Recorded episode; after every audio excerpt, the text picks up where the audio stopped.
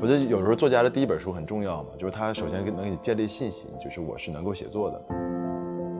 它里边包含了一些其实你比较感兴趣的主题，啊，比较呃关注的一些元素吧。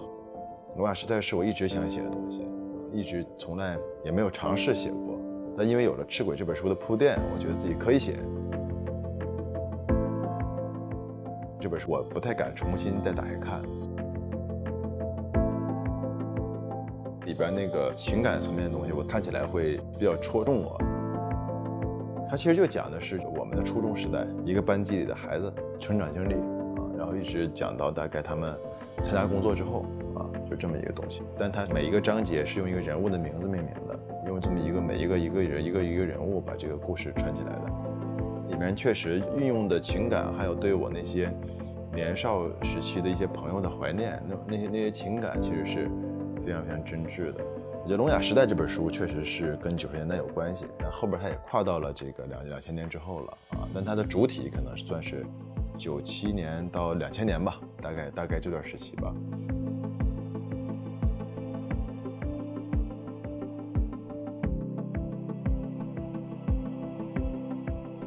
我觉得那个时代，第一个是那个商品经济那个浪潮，其实一点一点就是开始。另一个是，我觉得九十年代还有一个特点，就是它其实是一个文学比较蓬勃发展的时代。那个时候大家可能还没有有就接触很紧密的跟互联网联系到一块儿啊，然后大家还通过阅读啊，通过读书啊，去通过文学啊，去吸收了好多好多东西。现在回忆起来，那个时代还是比较古典的一个时代。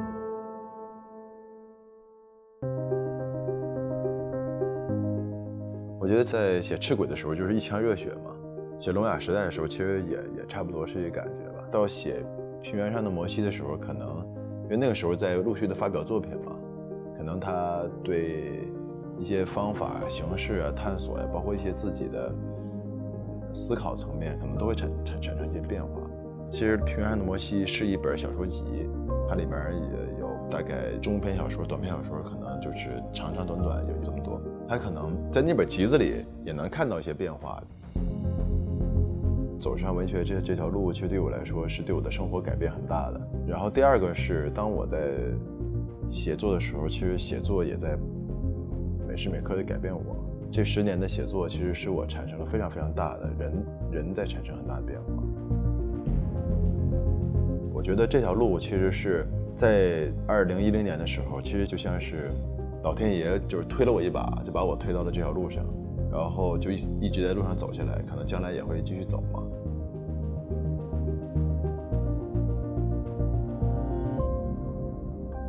香港书展的读者朋友，大家好啊，我是双雪涛。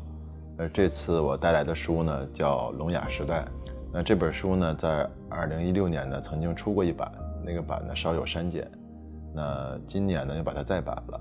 这个相对来说是一个比较完整的版本，写的大概就是我初中时候的一段呃回忆吧。但是它其实是一个呃非常纯粹的一个虚构作品。写完这本书之后呢，我觉得可能好像完成了一个使命的感觉啊，把一个东西就从自自己的身上卸下来了。呃，所以我自己还是挺珍视这本书，呃，也希望大家能够喜欢吧。